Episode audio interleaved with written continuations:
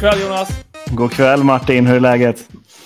Jag mår bra trots dessa, detta höstmörker som har kommit. Annalkats. Hur mår du? Det är jättebra med mig. Jag är trött Martin. Det händer väldigt mycket just nu i just den här tiden. Um, mm. Så har det varit alltid kan man väl säga. Uh, alla som har varit en del av motorsporten och, och är det fortfarande känner väl säkert till att man kommer eh, till slutet av alla säsonger. Nu har inte jag tävlat superaktivt, men det händer ju så vansinnigt mycket eh, just i slutet av sommaren och början av hösten i Motorsport Sverige. Eh, samtidigt som det vanliga livet drar igång, mm. eh, det vill säga jobb, skola och annat. Det spelar liksom ingen roll hur gammal du är, utan det blir alltid så. Och sen så um, hamnar väl det lite grann i eh, andra hand i och med till slutet av säsongen utav det andra och så ska man försöka då jobba i kapp under hela hösten egentligen. Eh, och det är mm. det vi börjar med nu, att nu är det båda sakerna samtidigt som är väldigt intensst. Det är avslutning och uppstart på två delar av livet samtidigt. Eh, det, men det, det, är en, det är en härlig period i eh, um, om året faktiskt, för det händer väldigt mycket. Samtidigt som den vanliga hösten eh, för många, så okej, okay, sommaren är slut, tillbaka till jobbet, eh, från semestrarna och så där. Sen mm. så kom höstmörkret då. Ja. Det, har du gjort sen senast Martin?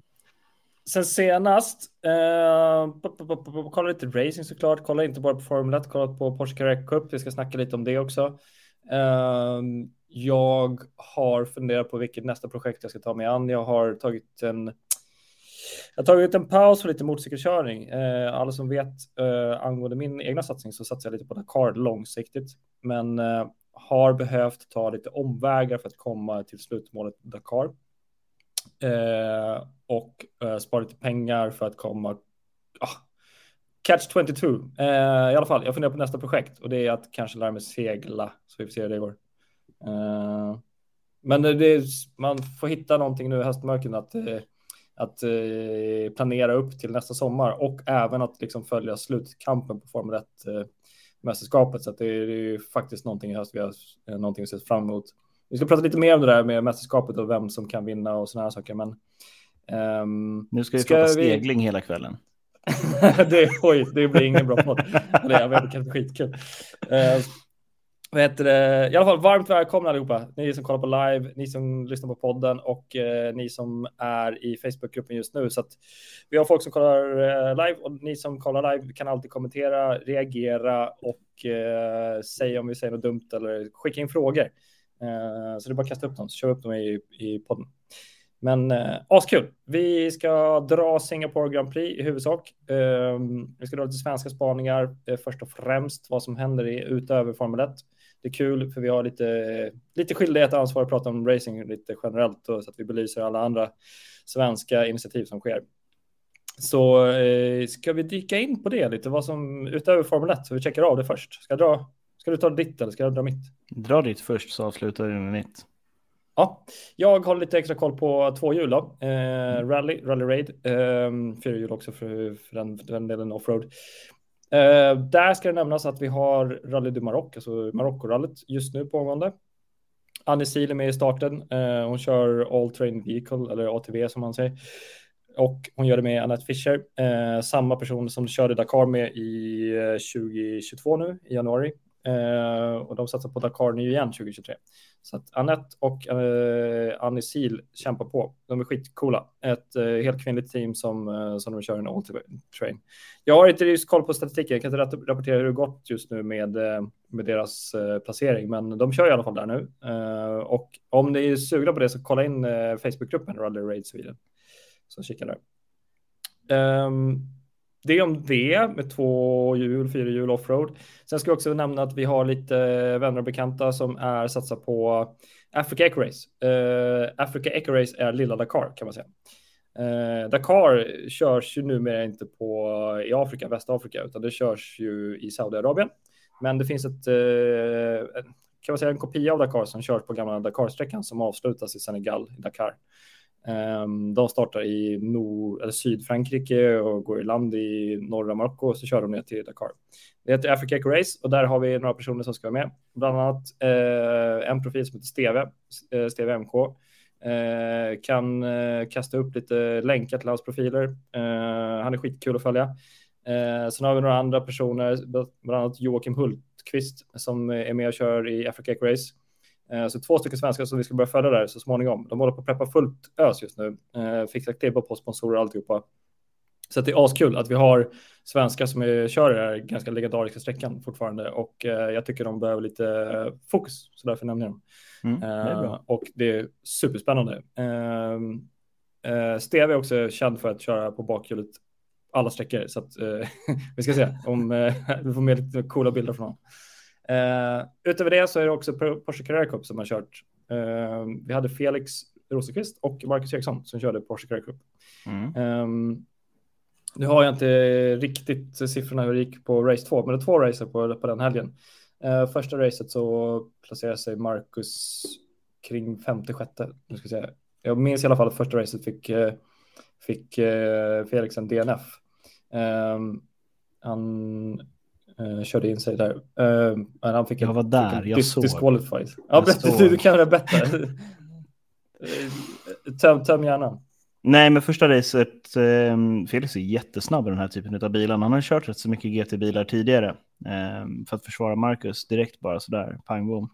Eh, mm. Men eh, Rosenqvist eh, raceade Annevi om ledningen i racet och Rosenqvist hade legat bakom Annevi och haft liksom en lucka hela vägen egentligen. Aldrig riktigt eh, fått de här självklara omkörningsförsöken liksom. Eh, men på sista varvet efter halva varvet, på, efter halva sista varvet så gjorde han ett försök och eh, det gick inte så bra.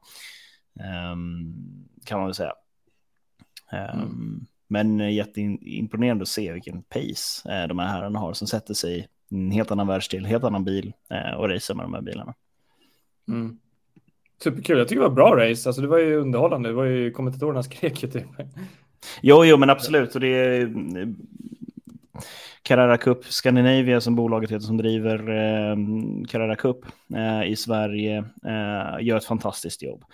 Eh, Porsche Sverige gör ett fantastiskt jobb också som eh, ser till att den här klassen finns. Den funkar ju som så i dagsläget att det är eh, två olika bilar man kör med. Det är 991 och 992. eh, utav Carrera Cup-bilarna. Eh, ni får rätta mig om jag har helt fel i det här. 992 ska då vara den nyare utav de här två eh, går därför lite snabbare. Men, så det är två olika klasser, men båda kör på banan samtidigt och man racear varandra eh, om man så vill, liksom. multiclass racing liksom. Eh, men det gör ju också att istället för att vi har en klass med 10 bilar och en annan klass med 10 bilar så har vi en klass med 20 bilar. Um, så det händer väldigt mycket på, på banan och på, um, för publiken också. Uh, och sen så har då uh, Porsche själva uh, två stycken gästbilar, eller Carrera Cup eh, Scandinavia, två eller tre till och med. Um, och i den här, just den här helgen då så rattades den av både Felix och, och Marcus. Och det är härligt en, en sån här finalhelg när SM ska avgöras. Men, så de är inte ordinarie förare, de är gästförare där, de är inte kontrakterade under några team, utan de är helt enkelt gästförare i serien. Eh, för att poängtera det. Det är många andra som har fått den chansen tidigare eh, att göra det. Men det är väldigt roligt och eh, läktarna var väldigt fulla och jag tror att det kom väldigt många liksom som är racing casual som annars inte skulle vara på svenska racerbanor med Rosenqvist och Marcus Erikssons liksom merch på sig och sådär. Mm. Um, så nog var det nästan någon, någon, form av publikrekord de senaste åren på Mantorp i alla fall. Och det var väldigt roligt för mig att se att det, det lever. Det är många bilar som var på plats och teamen verkade vara ganska städade. Um, så det känns som att motorsporten är på väg tillbaka. Mm. och, um, med fantastiska arrangemang då, tycker jag. Visst, ja, askul. Visst är prinsen kör ju också uh, Porsche Carrera Cup? Nej, GT4 kör han. GT4, fattar. Mm. Jag såg han snurrarna där någonstans. Just det. Han är också inte, han är inte stående förare utan han blir inbjuden på vissa race va? Mm, det känner jag inte till. Den här klassen var helt ny för mig fram tills att jag såg den. Okay. Eh, prinsen vann första racet som, eh, som jag såg då. Eh, mm. var en liten incident i kurva 1 mellan eh, den som startade först och tvåa tror jag. Ehm, men överlag så eh, hade ingen chans att pace och ta sig ikapp. Okay. Carl Philip. Så det, um, idag är han ju en, en racerförare av rang för att han har kört så otroligt mycket racerbil eh, mm. med väldigt bra team och sådär. Så det, mm. idag skulle man kanske till och med fråga eh, Carl Philip om man skulle kunna köra för ett team under uppbyggnad och kom hit och hjälp oss. Liksom. Vad behöver vi tänka på vad vi vill göra? Um, men um, så det, men det, det är, han har fått otroligt mycket kritik för att han tidigare har man ansett kanske att ja, folk i stugan att han har fått en plats för, som man inte ska ha för PR eller för eh, pengar eller sådär. Eh, mm. Men eh, idag så ska man se på honom när han är på racerbanan som vilken annan atlet som, som helst. Han gör ett jättebra jobb ifrån sig, han är ultraprofessionell och han är en förebild för jättemånga unga racerförare där ute. Titta på mm. hans intervjuer, lär er av dem. Han är den mest mediatränade racerföraren vi har i Sverige och förmodligen haft på väldigt länge. Um, så det är härligt att se den professionaliteten också och att han tar det uppdraget på absolut största allvar också. Mm. Det är skitkul. Heter det? Han kan ju inte fått mer kritik än Nikita Maspin i alla fall. Nej, nej, nej, nej. Han förtjänar den inte. Det gör Maspin. nej, precis. Exakt. Jag var gäst där hos uh, Leicester Racing. Leicester okay. Racing Team, yes. Uh, ditbjuden av Andreas Bäckman fick följa honom under, under dagen därifrån eh, från, eh, med Lestrup-glasögonen på sig och hela det teamet eh, har jag väl ganska bra kopplingar till annars. Emil Sellberg som är eh, Andreas Bäckmans ingenjör har varit ingenjör till mig. Stavros Tenti som är mekaniker åt eh, Andreas Bäckman är en före detta konkurrent till mig när vi tävlade om eh, distriktsmästerskapen i karting. Mm. Så det är um, många kända namn där. Fredrik Lestrup har jag pratat med flera gånger. Han var väl lite av så här, en av de äldre förarna man såg upp till lite grann när man var i tonåren. Liksom. Mm. Uh, skiljer väl kanske en fyra, fem år mellan honom och mig. Um, så det är precis där. Um, så det, um, men det var väldigt roligt att se uh, från insidan. Um, Oliver Söderström har jag blivit lite bekant med genom åren också. Hade en lång pratstund med honom efter hela helgen. Um, som började med vinst för honom och sen så var det lite tekniska problem och så där uh, vidare. Uh, vilket förmodligen uh, grusade hela hans säsong egentligen. Eh, just avslutningen på, på de racen. Bäckman å andra sidan då eh, påkörde första racet så de hade en från Leicester-teamet, en förare i, i täten, en förare längst bak. Um, och eh, det fascineras rätt så mycket över Andreas, det är också där professionaliteten i, i det mentala. Uh, för redan när jag efter det racet han kom upp till, till depån när de stod och höll på att laga bilen efter racet och in i maskindepån kom han fram och så, så pratade han lite grann med mig, tyckte att det var trevligt att träffas och sådär. Um, och då hade han helt nollställt sig redan. Så bara okej, okay, det finns ingenting vi kan göra åt förra racet. Nu har vi ett till race och det är andra förutsättningar i det. Um, så 100% redo uh, och, och liksom um, revanschlustan igång. Så det, och för mig så är, så är det som är intressant för mig när jag går på motortävlingar, det är det som händer i depån. Diskussionen mellan föraren och ingenjören. Um, diskussionerna mellan mekanikerna och ingenjörerna. Hur kommunicerar man? Hur jobbar man? Vad har man för uh, rutiner? Vad har man för eh, liksom kodord mellan varandra. Hur får man hela det här maskineriet att fungera så att man inte gör fel, inte gör något slarv? Eh, hur optimerar man? Eh, det som händer på dan, banan är bara en slutprodukt av all, alla andra förberedelser. Ja, ehm, och, och sådär.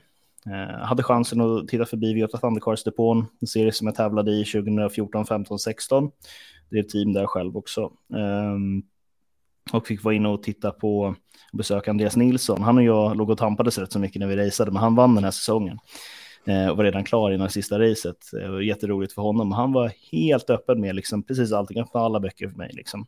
Eh, och det är så fantastiskt att kunna kliva in i svenska depån och säga okej, okay, jag har väl viss kompetens med mig från mina Jonas Fors äventyr, liksom, men Eh, men att fortsätta kunna gå i svenska depåerna och liksom bara suga åt sig som en svamp och fortsätta lära sig mer av hur funkar den här bilen? För att den här bilen som de tävlade med, de har gjort jättemånga eh, olika liksom, eh, förändringar i reglementet, nytt, nytt bromssystem, nya stötdämpare.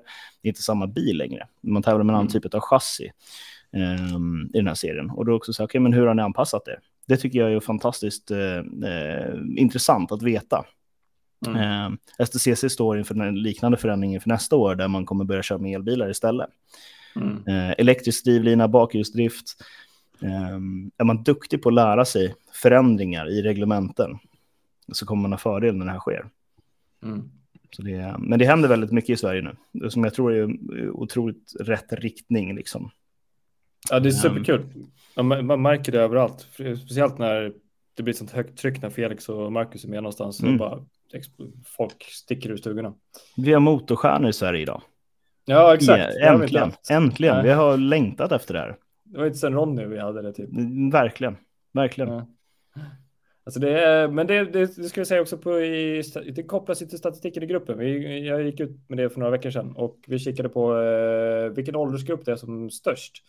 Eh, tidigare har det alltid varit de som är mellan 45 och eh, jag tror 40, 43, 44, 45 upp till 52 någonting. Det var största åldersgruppen. Men nu är det mellan eh, 20, jag tror det är 23 till eh, 23 till 32 någonting sånt där. Så den största åldersgruppen är de som är unga som kollar på Formel 1. Så vi ska, ja, vi ska snacka lite Formel 1 också. Vi ska hoppa in på det. Eh, så att det, det är ju askul att se att många nya människor i Sverige tycker det är kul med motorracing mm. generellt och Formel 1 i synnerhet. Um, Vilka städer är störst Martin? Har du det i bakhuvudet sådär? Det är Estocolmo. Det är också väldigt intressant. Den här stan ja. som har varit så otroligt ointresserad av motorsport de senaste tio åren. Och nu har det hänt någonting de sista fyra. Japp, exakt. Det är superintressant. Ska se om jag hinner klicka upp lite, lite statistik här medan vi snackar. Men ja, precis. Här har vi det, det, populära tider, många inlägg. Det är inte så jättekul. Vi ska kolla lite på medlemmar. Eh, vi ska kolla här. Där, där. 1, 2, 3. Vi har. Här har vi precis eh, 25 till 34. Där har vi de, den största andelen. Stockholm är vanligast, men tätt inpå kommer Göteborg som Malmö. Så det är ju... De stora städerna liksom. De stora städerna, precis. Där människor eh, finns, finns intresse. Ja, men sen är det kul. Vi har runt 6 procent är 65 plus också, så att vi har jättemycket supporters som är mm. den andra generationen. Eh, och eh, vi har ungefär 2 procent män är mellan 13 till 17. Ehm, så där ska vi ta ansvar för dem som är väldigt nya och eh, växa in och titta på sporten, vad som händer. Mm. Um, så apropå det så är det här en basic-podd. Uh, podden är liksom uh, mer inriktad på folk som är helt nya och ska kunna lyssna och fatta saker. Så förvänta er inte att vi går in på uh, djupdäcksanalyser och uh, djupdäcksanalyser och uh, börjar snacka om gummiblandningar. Så ni, kom, ni kommer inte behöva liksom, fatta så mycket.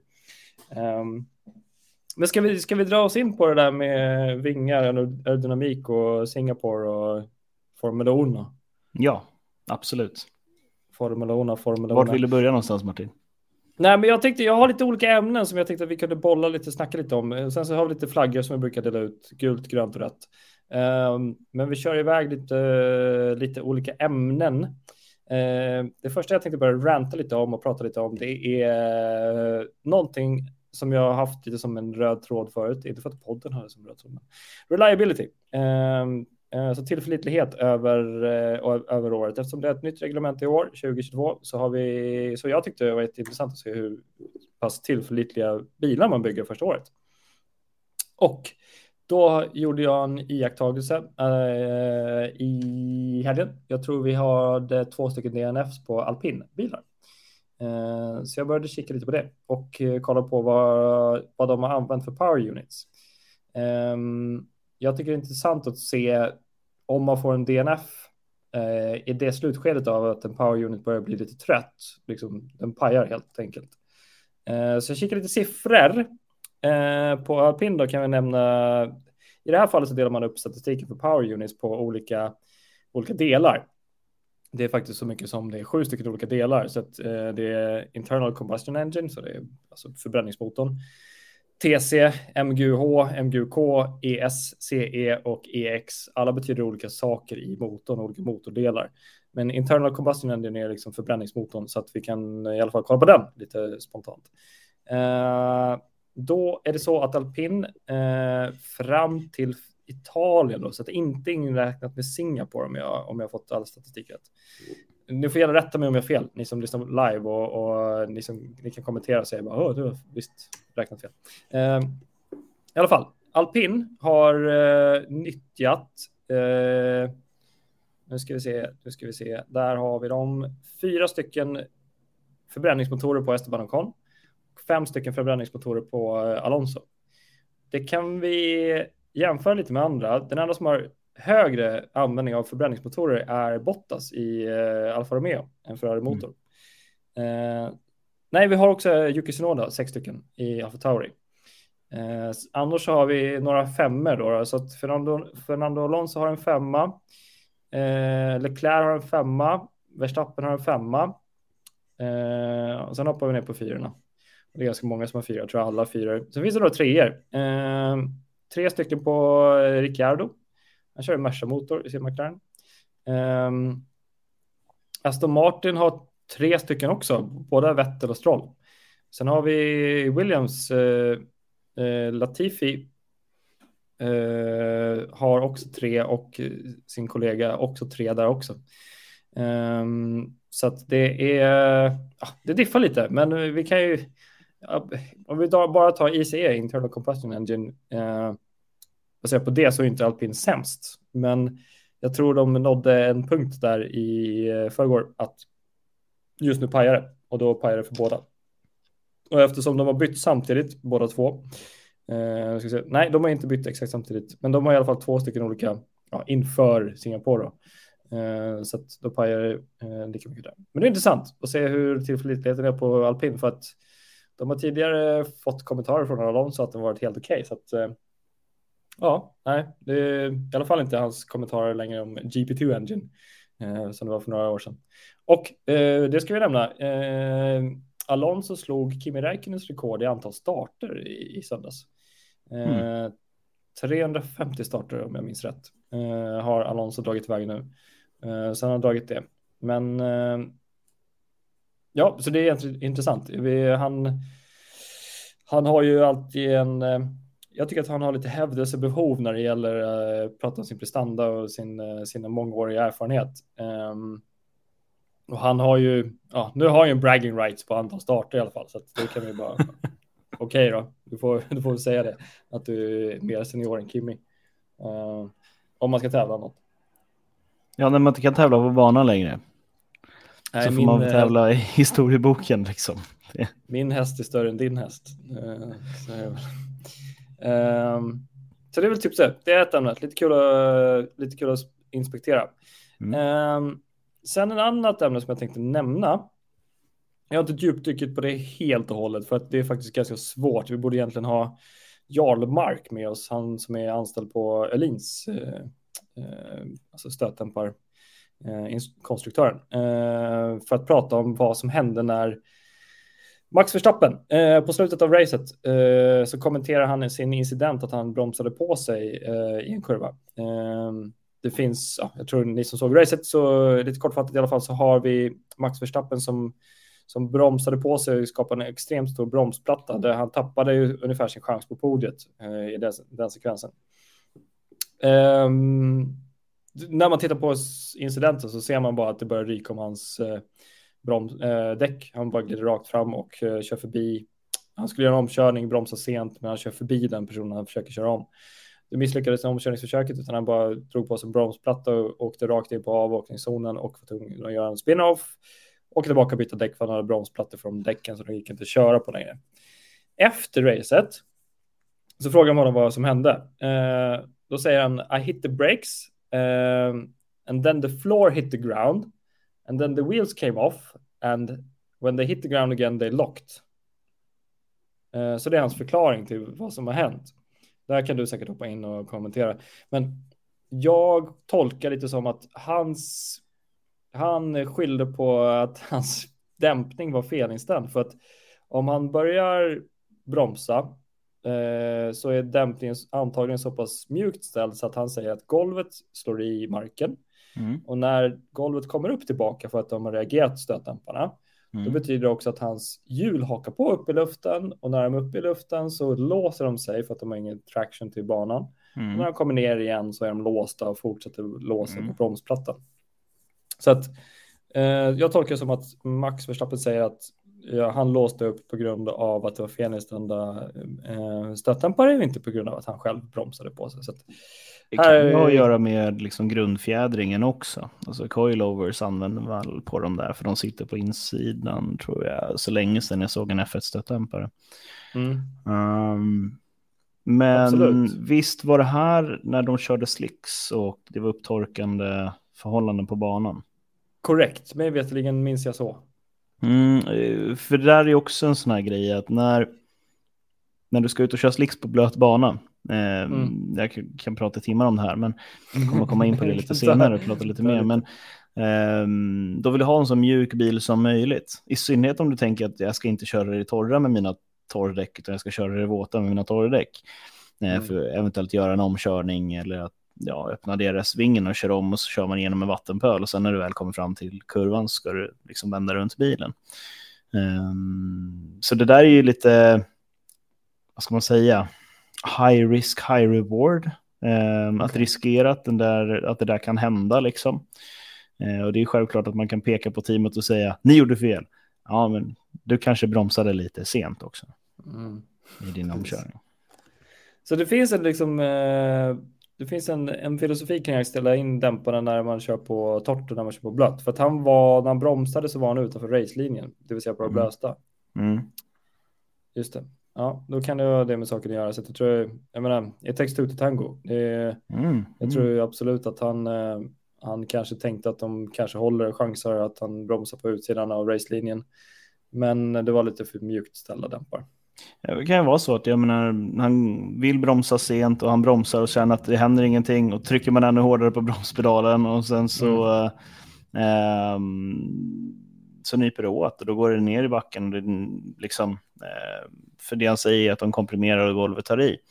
Eh, mm. Det kan också bara vara en sak han säger, bara för att försöka bortförklara sin kompetens. Liksom. The, the big uh, book of uh, explanation som mm. Mm. drivers. Absolut, absolut. Jag har, inte tittat, på, jag har inte tittat på, på incidenten tillräckligt mycket för att kunna avgöra om, om det faktiskt kan Nej. vara så att det är så.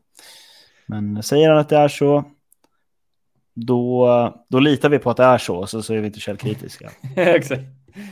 Uh, men apropå, apropå det så kan vi nästan glida in på det där. Jag har en till, ett till ämne så kan jag snacka lite plaggor, men du hade lite tankar kring det där med blött och torrt. Mm, jo, men precis. Det, det mest fantastiska vi har i motorsport är upptorkande väder. Ehm, det hela startfältet börjar på regndäck ehm, och sen så torkar banan upp och vi har haft några sådana race i modern tid. Imola kommer jag ihåg också, var också fantastiskt. Um, både liksom rent strategiskt, teamen sätts verkligen liksom på sin ända här, att när ska vi byta från regndäck till torrdäck?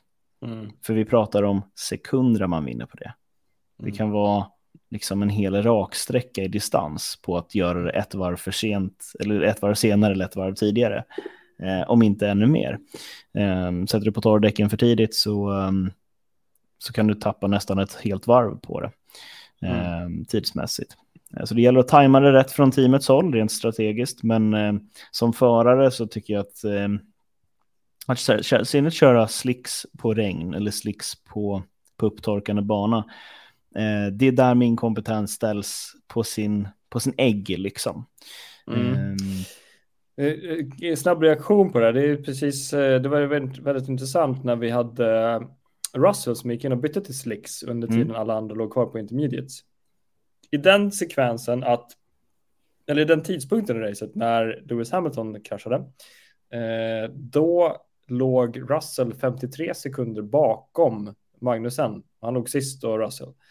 Han låg på mediums och alla, låg, andra, alla andra låg på intermediates och eh, Russell ligger då 53 sekunder bakom ja, sista. Eh, så det var ju ganska intressant att se hur, hur Russell testade på det eh, med teamet och eh, alla andra reagerade och kollade på Russell bara nej, vi åker inte in. Nej. Så under, under racet så var det också många gånger några förare som kommenterade liksom att ah, men vi skulle kunna gå på, på torra och tjäna pengar, tjäna tid. Um, men så var det Max Verstappen som sa det nej. Uh, han var den som sa blankt nej till att byta till, till, till uh, torra. Mm. Och uh, det såg vi ju på hur det gick med Russell. Så att, det, det är intressant. Ja, nej, men det där är ju en annan sak där eh, du som eh, ingenjör och du som teamchef blir eh, lite extra beroende av att ha en kompetent förare som, mm. som kan säga mm. nu är det dags, det är inte riktigt dags ännu. Och eh, kör man på en större bana där du kan ha ett parti som fortfarande är blött och ett parti som fortfarande är torrt, då blir det riktigt Precis. svårt att avgöra för då kan du överhetta regndäcken på den torra delen när du kommer fram till den blöta delen.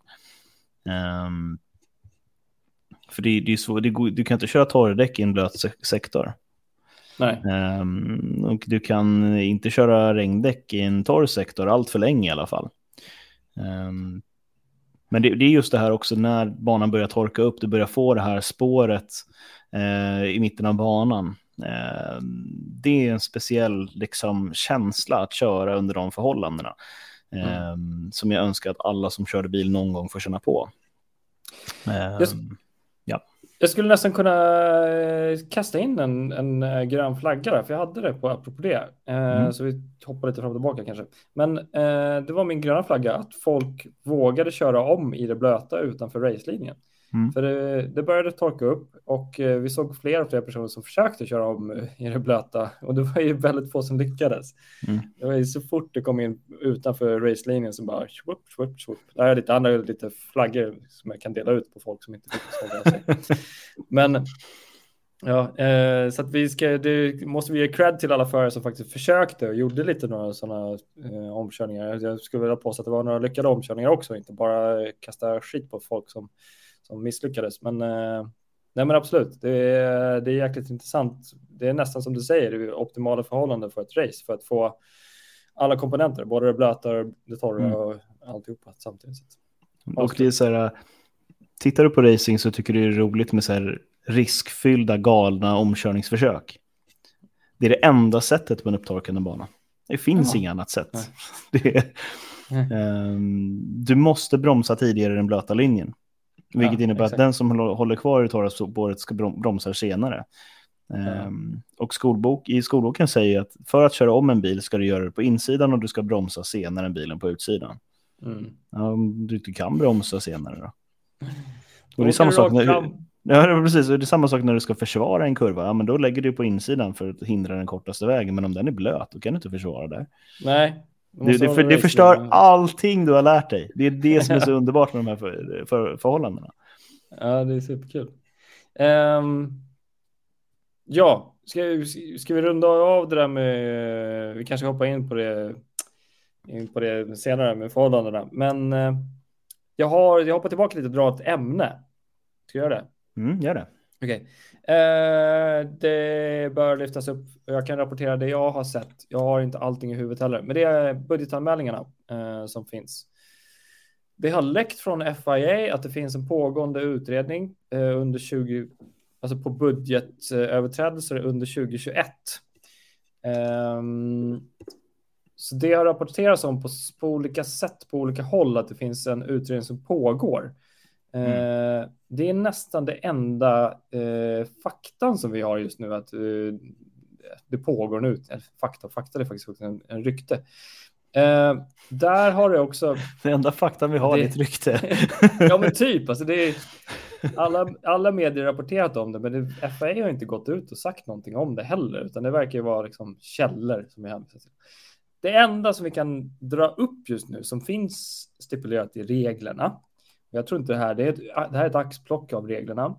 Eh, det är att det finns minor och major eh, överträdelse, eller budget, budget cap överträdelse. I minor, eh, det verkar finnas en, en spendering som är alltså overspend of less than 5% alltså under 50 procents eh, överträdelse av budgeten. Det kan leda till, kommer, kan, eh, bör leda till deduction of drivers constructors championship points. Uh, drivers and constructors driving championship points. Alltså du kan, du kan tappa hela titeln, uh, både driver och constructor. Suspension from one or more stages of a competition. Limitations on ability to conduct aerodynamic or other testing. Reduction of the cost cap. Så det är minor. Eh, det är alltså det minsta, tolkar jag som. Det är det minsta som du kan få då, om du gör en överträdelse, alltså under 5% överträdelse. Sen har vi major. they overspent more than 5%. Deduction of drivers and the constructors championship points. Alltså points, det är inte titeln. Mm. Vi, tar, vi, kan bara ta bort points. Uh, suspension from one or more stages of a competition, samma som minor. Suspension from an entire competition. Det är också som minor. Mm. Exclusion from the championship. Okay. Den är hardcore. Ja. Sen har vi också, som det finns minor också, reduction of the cost cap. Men om det är major eh, så kan faktiskt man förlora titeln. Eh, om jag, jag tolkar det så som det är både constructors och drivers. Ja, du menar eh, att det är eh, inte Haas som har gjort det här alltså? Förlåt, det är inte Haas. Nej. jag tror inte.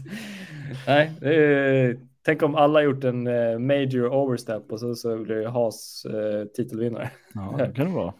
Ja. Jag tror inte att det är så, men... Possible but not probable. mm. Nej, men det finns det någon som, eh, eftersom att vi pratar om ett rykte här, är det någon som har pratat om vilket team det gäller?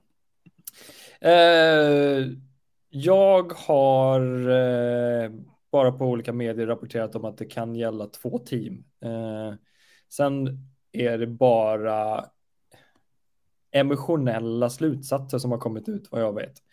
Ingen som har sagt att det kan vara X eller Y.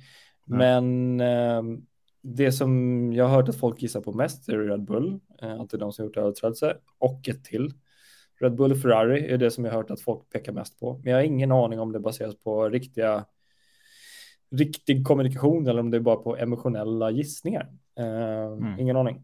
Uh, jag, det är också spekulerat i att en, en orsak till att det här kommer ut det är för att Toto Wolf vill väcka åtala mot Red Bull uh, på grund av att de vann titeln. Och att det finns en sådan en sådan koppling mellan en för detta anställd i Mercedes och eh, som har gått till FIA. Nu minns inte jag namnet.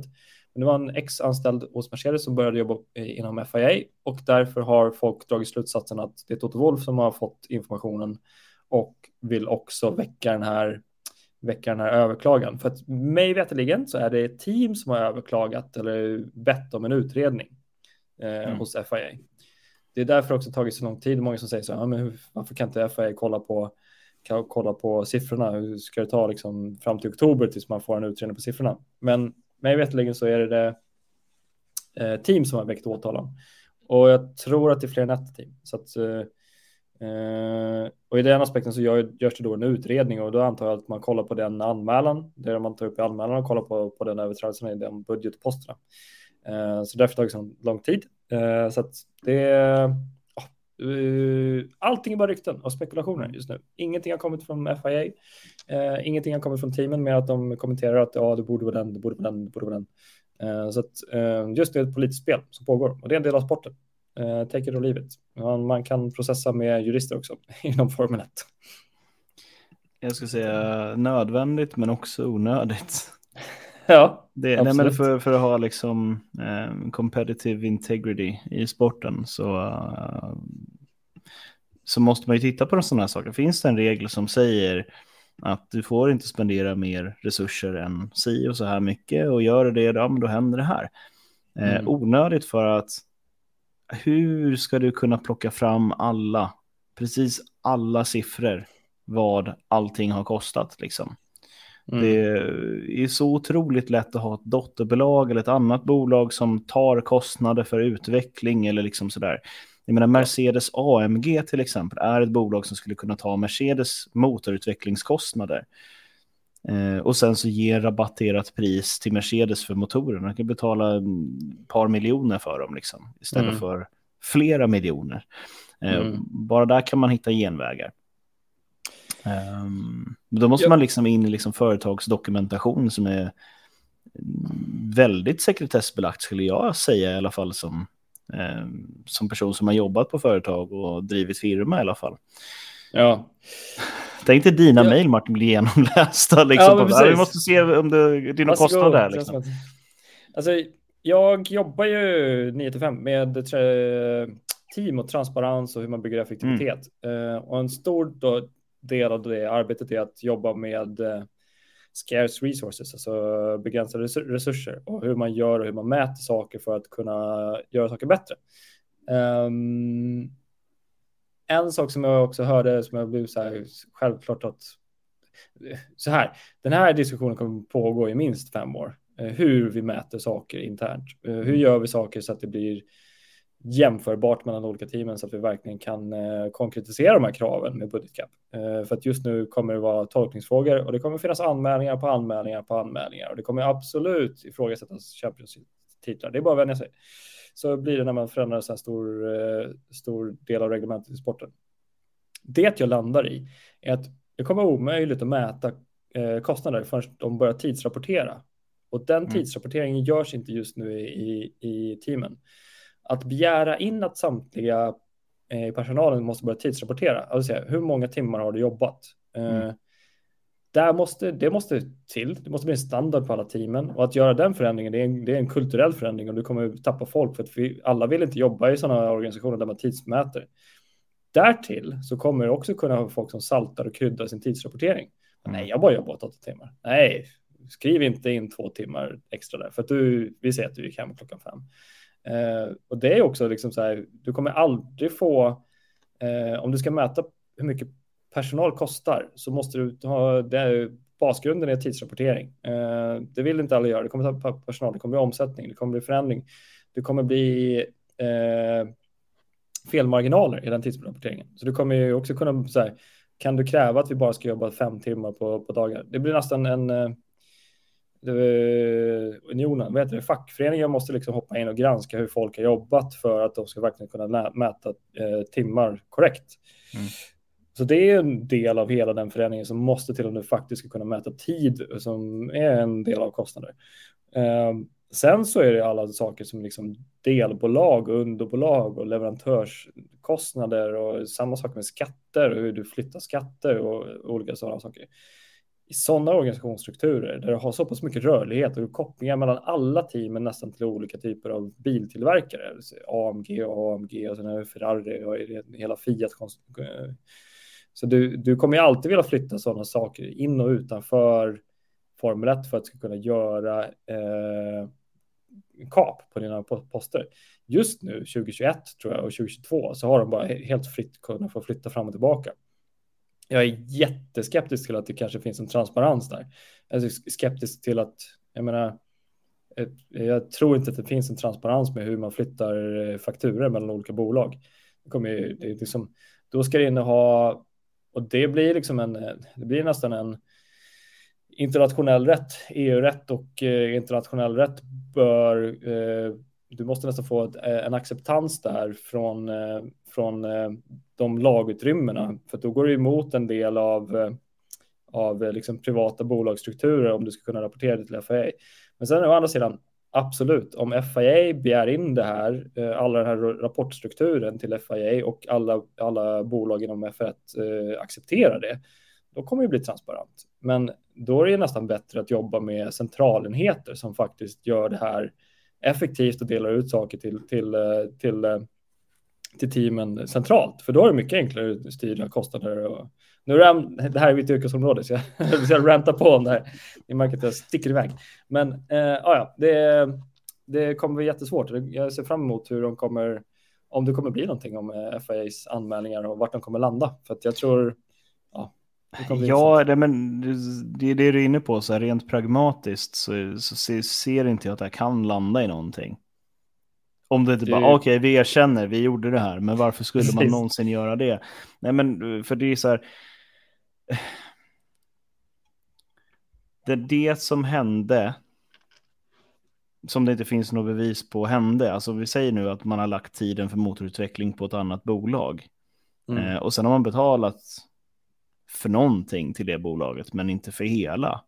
Mm. Eh, blir så otroligt svårt att bevisa, så man måste gå in och ha samma, i reglerna för FIA så måste det eh, finnas liknande sätt och åtgärder som man arbetar på, eh, på marknaden mot svart arbetskraft. Mm. Ehm, byggbranschen till exempel använder ju personalliggare för att komma in på större byggarbetsplatser. Du tar ditt ID06-kort som är personligt och bara ditt, som ditt företag ansvarar för att du har tagit ut i, för att du jobbar där. Ehm, och sen så lägger du det på personalliggaren och personalliggaren rapporterar till din egen tjänst att den här personen har gått in på arbetsplatsen vid den här tiden. Mm. Och sen så måste du logga ut därifrån när du går därifrån också. Är du kvar där i 24 timmar eller 18 timmar, då är det något som är fuffen, så då är det någon som kommer titta på det om man gör en revision. Som det här nu kommer vara, det här blir en Bronto-revision, vi ska titta igenom liksom en miljardkostnader. Um, men eh, sen, sen är det som, som ett F-team är uppbyggt, att det, ja, men F-teamet det, det är det här. Mm. Och sen så är det sju gånger så stort runt omkring det i konsulttjänster och inköpta produkter och hjälp från höger och vänster. Och de kanske inte ens är inköpta, de kanske är sponsrade. De har mm. fått det här från fått ett företag. Saker. Exakt. Ja. Och, och, då, hur värderar du det? Om du Nej. får en eh, produkt från, från Microsoft som de säljer för 70 miljoner kronor, men det kostar bara Exakt. Microsoft 20 miljoner kronor. Ja är det 70 miljoner kronor eller 20 miljoner kronor då? Exakt. Och då blir det helt plötsligt en, liksom, äh, här är kostnaden för det. Som, ehm. exempel, som exempel, det är sju stycken olika motordelar som du har i en Formel 1-bil. Eh, och mm. vad händer om vi säger tre stycken av dem ska vi få gratis från vårt huvudbolag AMG? Mm. Oj hoppsan, nej, nu har vi inte, det är inte vi prisat för. Så att, ja, det är liksom... ja, precis. Hur blir det när man får saker då? Ja, vi mm. fick de här grejerna nu. Eh, vi vet inte vad de är värda. Hur ska vi kunna fall... räkna med vår totalbudget då? Ja, det är i sådana fall att FAE går ut och begär att ja, men vi ska ha minimumkostnad för, för till exempel eh, vi tar energy storage. Eh, det måste finnas en minimumkostnad för den. Så att om du rapporterar att du har fått den från AMG så kommer de här värderas till det här priset och då kan du räknas in i budgeten för, på det här sättet. Så att det, ja, det är i sådana fall på det sättet man får börja mäta. Du får sätta liksom minimumpriser för alla, alla delar som finns i en Formel 1-bil. Det kanske går, jag vet inte. Nej, men det, motsatsen är ju att göra som du säger, att man har ett centrallager med centrala saker där alla köper delarna från ett och samma ställe som ni gör i Formel 2 och Formel 3. Du Exakt. köper en bil från Dalara och du köper en motor från jag vet inte vilka tillverkare som är aktuella idag. Um, mm. Och det är pang pang, en leverantör är de som har hand om det här, en däckleverantör, all, all, precis, hela Formel 1 blir som du hanterar däcken idag. Pirelli levererar Exakt. däcken, men det blir också mm. så, Pirelli bestämmer kvaliteten. Pirelli bestämmer problemen du kommer ha med de här och fördelarna du kommer ha med de här. Och Pirelli mm. bestämmer precis vad du betalar för det här. Uh, vilket innebär att det kanske inte blir billigare. Det kan bli hur dyrt som helst bara för att Pirelli vill tjäna ja. pengar det här året. Ja, det kan ju liksom, uh, nu drar jag, nu målar jag fan på väggen här, men det kan ju bli en enhetsserie fast du enda du får justera själv det är aerodynamiken. Mm, sure. Hur mycket pengar får du lägga på det då Martin? Exakt. Där finns det redan styret, vindtunneltid och alltihopa. Det måste de rapportera in hur många timmar man använder. Och... Ja, ja, du Om du har en egen vindtunnel då? Som ingen vet finns. Bygger en liten snurra utanför och så bara jag blåser på den. det, är, ja, det är kul. Men det, det är det här som är, är sporten i ett nötskal. Det är, mm. Hela motorsporten fungerar så här. Och mm. vi är duktiga på det. Vi är vansinnigt duktiga på gråzoner. Ja, um, och um, det, um, nu när man börjar titta på ekonomin och sådana där saker, det, Ja, det är viktigt att veta hur mycket pengar saker och ting får kosta. Men mm. eh, det som måste fungera, som inte fungerar nu när man börjar plocka in jurister om allting eh, i varje små fall, det är att det går inte att göra ett gentleman's agreement. Nej, precis. Wolf och Horner kan inte ta i hand på att nu lägger vi de här pengarna, nu gör vi det här för det är det som är bäst för sporten. Det mm. går inte om de tar i hand och sen så står det fyra jurister bakom varje person sen. Alltså bara, och säger, fight. ja, men exakt. Det, mm, ja, det sport, ska, sport ska avgöras på fältet, på banan, var du nu utövar det någonstans. Det ska inte avgöras i eh, revisionen. Det ska inte avgöras i någon domstol någonstans. Det ska mm. vara fair fight. Ehm, Precis. Och det är vad jag tror att hela den här typen av process och den här eran inom Formel 1 eh, kommer leda till. Mm. Um, att man ser att okej, okay, men det här vart ju inte så bra. Det blev mest sandlåda, fast inte sandlåda utan väldigt vuxen sandlåda med mm. alla de olika följder som finns i vuxenvärlden. Liksom. det är ett djupt ämne. Vi kan snacka nästan en hel podd om bara det här, men vi, vi kanske ska runda av och låta, låta eh, rapporten komma ut. Hoppa Japp. Så fort som möjligt. Eh, vi har lite flaggor. Vi börjar få ont om tid. så mycket roliga saker att snacka om. Vi kan dra lite kort. Eh, ska vi dra mina röda eller? Mm, nej, jag är färdig med min gröna. Jag har lite svårt att se ja. och ge lite röda, men jag kan reagera på dina. Ja, ah, nice. Vi ska se om jag kan vi kan göra det på ett sätt som jag gjorde förut en gång. Eh, kan se om vi kan få upp lite, lite bilder. Vi provar på det. Eh, det är nämligen så att jag tänkte reagera lite på uh, Latifi och uh, Joe, rullabandet. Uh, de här två herrarna mm. tycker jag ska ha en röd flagg för hur de beter sig här. vi har en person som inte ser den andra, den andra försöker köra, göra omkörning på insidan och båda två krokar ihop. Jag, absolut, det är en racingincident, men samtidigt så tycker jag att det här inte borde hända. Inte när man är på den nivån. Jag tycker ändå vi kan backa tillbaka och se lite vad som hänt. Ehm, två personer som som borde ha koll på varandra att de finns där. Jag tycker mm. alltså Latifi borde veta att han är där och Joe borde fatta att han ska släppa av det här sekvensen. Han gör inte det. Han vet att Latifi kommer gå ut och ta racelinjen det, det som sagt, det finns bara en torr racelinje. Då borde mm. man vara med, medveten om att man inte sticker in sig där. Eh, men det gör de inte, de krokar upp båda två och sen är det slut för, kört för dem. Eh, mm. Så det är en kort röd flagga. Jag tycker bara eh, trist att de, att de inte ackar och inte finns med. De har ju fått mycket kritik hittills så att jag tycker de borde faktiskt ja, acceptera. Ja, jag tycker väl i, i den situationen där så, alltså till en början så är det ju röd flagg på personen som ligger före för att han tvingar den andra att bromsa. Nu vet mm. inte jag vad reglementet säger om att han har rätt i linjen bara för att han ligger där, men det finns faktiskt en bil på insidan. Eh, men sen vet jag inte riktigt hur man tänker i det här läget som jag i att säga okej, okay, men jag håller min linje här. Jag har ett val att bromsa tidigare och släppa in honom här, mm. men istället ska jag skrota min bil och hans bil. Um, Precis. Och um, det är trist. Ja, det, jag håller med dig. Det, det börjar liksom röd flagga bilen till höger, sen blir det röd flagga för båda. Exakt. Um, det är därför, det är den, därför jag tar upp det. Det var så ja. fatalt Så där beter man sig i Formel 1, det håller jag med Nej. Eh, jag hoppar vidare snabbt för vi har lite kort om tid. Jag drar den bara rakt av så här. Albon, eh, här är en annan person som jag tycker inte ska, han ska inte missa racelinjen. Visserligen, eh, han kommer i hög fart, blött alltihopa, men han kommer för snabbt, han missar racelinjen. Ja, det är så jävla rakt. svårt i de här lägena Martin. Det är vansinnigt tajt alltså. Och det tycker inte jag är rätt att ge den. Eller? Ja, jag vet inte. Alltså titta här. Ja. Um, i det här läget han försöker pusha så mycket han kan och han har ju, om du stannar här så ser du hur liten marginal han har på instyrningen är. Ser du den där mm. lilla, lilla torra fläcken där, den är inte mer än ett par decimeter lång alltså.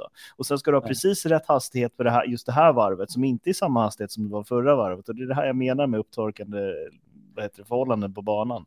Att det flyttar sig så otroligt mycket. Ja. Men här, det, det går för fort in i kurvan och det, det, det är kört. Ja. Det är kört kompis. Ja. ja, det är det. Och vi ska säga sjufaldig världsmästare gjorde samma sak, så det är absolut, jo. Men eh, ja, ja, jag vill kasta lite skit på allt. Det är väldigt mycket reklam på den där bågen också. Det, då, försvinner, ja, då försvinner reklamen som sitter på dem för att det blir för mycket. Ja, där kan de få rödflagga från mig. Hinner inte läsa det här. Nej. Vad är det för designer som håller på så? Eh, men det är i alla fall det jag tänkte visa, visa, eh, visa, visa som i, eh, i video. Mm. Ska se om vi kan få bort den här. Så att eh, lite intressant att se i alla fall hur de beter sig i rätt, blött. Men det har vi andra förare också som inte var speciellt på alerten. Um, det om det. Mm. Sen så tänkte jag uh, Gult, jag har gett gult till Russell tidigare. Jag snackade om honom att eh, han hetsade till sig och eh, gick inget bra in i depån, satte på torra, visserligen tidbeslut absolut. Men sen så Max under press. Mm. Vi eh, vet alla att Max Verstappen har haft en eh, strulig eh, helg. Kvalet gick inget bra, fick slut på bensin. De var tvungna att avbryta hans sista varv på grund av att de hade för lite bensin i bilen. Eh, de ryckte in, in honom eh, med risk för bestraffning. Så jättejobbig helg, men eh, vi märkte att han var under press den här helgen. Han tog väldigt mycket risker. Uh, och jag förstår inte varför han tog så mycket risker den här helgen. Uh, jag tycker faktiskt att han borde ha chillat lite där och varit nöjd, varit nöjd med runt femte, sjätte plats. Uh, varit nöjd med en trettonde plats där han låg i början av racet. Ja, nej. han måste ju göra någonting. Ja, alltså det var han startade ju ändå där. Alltså jag. Ja, jag skulle ändå vilja göra en gul flagg. Det är ingen röd flagg. Han försökte ta sig upp genom fältet. Det var korrekt, men eh, jag eh, tycker inte att han hade behövt avsluta och ta mästerskapstiteln här i Singapore. Det hade absolut varit i paritet med, jag glömde namnet bara. Schumacher klarade sju race när det var sju race kvar. Nu, nej, sex race kvar. Nu är det fem race kvar om ja, Singapore. Så Max hade kunnat ta ett väldigt fint rekord där, eller nästan tangerat rekordet. Men eh, jag tycker inte att han har behövt göra det. Det räcker med att han, han bevisar sig genom att vinna titeln i år. Han behöver inte göra det på rekordfart. Liksom. Eh, så, jag, typ. så jag tycker det var lite, ja, lite, lite, lite overkill från hans sida. Men annars eh, utöver det, alltså jättebra körning, absolut. Köra sig upp sådär i det blöta, det är super, superbra. Eh, det är cred till honom förut och det ska han ha. Han, eh, jag hoppas att han tar titeln i år, som sagt förut. Typ så. Sen börjar jag få lite slut på flaggor och kommentarer om Singapores Grand Prix. Ja. Annars väldigt kul att se det racet. Um, vi kommer, nästa race kommer bli, nu ska vi se, vi tittar blicka framåt och det är inte förrän Austin, Texas har vi eh, och det är 20, ja, 23, söndag 23 oktober. Mm, mm. Så vi kommer ju få lite break nu eh, på en helg. Mm. Så det kommer, vi kommer få lite break. Det lite, lite luft i schemat sådär. Och, um, men det är i slutet av säsongen kommer det bli något um, live-event till finalen i år. Eh, det ligger lite i luften. Eh, ingenting är spikat och bokat. Eh, ja, nej, men det är klart vi kommer skicka ut event i gruppen, men vi vet inte vilken plats än och sådär. Mm. Eh, så ni får skrika, ni som lyssnar på podden och ni som är i gruppen, att vi vill ha det där, vi vill ha det där. Folk frågar ganska ofta om vart man kan kolla i Stockholm och det är i huvudsak Red Bull Gaming Fair vid Odenplan, Surbrunnsgatan 12 tror jag. Och sen har vi O'Learys 12 eh, vid Gullmarsplan, vid Globen. Eh, det kan störas lite på Larrys för att det finns lite fotbollsfans och sånt där så att man måste ringa och checka innan. Men eh, Red Bull Gamers Fair det visar Det finns fotbollsfans. Ja, vad gör de där? Jag fattar inte. på en sportbar. Nej, ja. här ska inte ni vara. Okay. Man kan titta på fotboll hemifrån också, eller På live? Ja, det, de har en läktare att gå till. De kan gå dit istället för O'Larrys. Mm, så kan vi sitta på O'Larrys. Ja, det tycker jag är rättvist. Svenska matcher i alla fall. Exakt. Ska vi, eh, ska vi runda av? Det är väl inte mer än så där. Vi behöver inte göra mer så komplicerat än så, va? Nej, det tycker jag inte. Det var Singapores Grand Prix. Stadsrace som många sa, det här kommer nog inte bli så spännande, ganska statiskt. Men eh, lite regn på det här och då ordnar det upp sig. Exakt. jag var nykter i morse, men nu ordnar det upp Ungefär så. Eh, exakt. Nej, men superbra. Tack för alla som kollat online, ni som hängt med hela timmen online och ni som lyssnar på podden och eh, tack till alla som varit och sponsrat eh, teknik och alltihopa och speciellt Jonas. Tack så mycket. Tack själv Martin. Det är lika trevligt det här. Ta hand om er där ute. Ta hand om er. Ha det.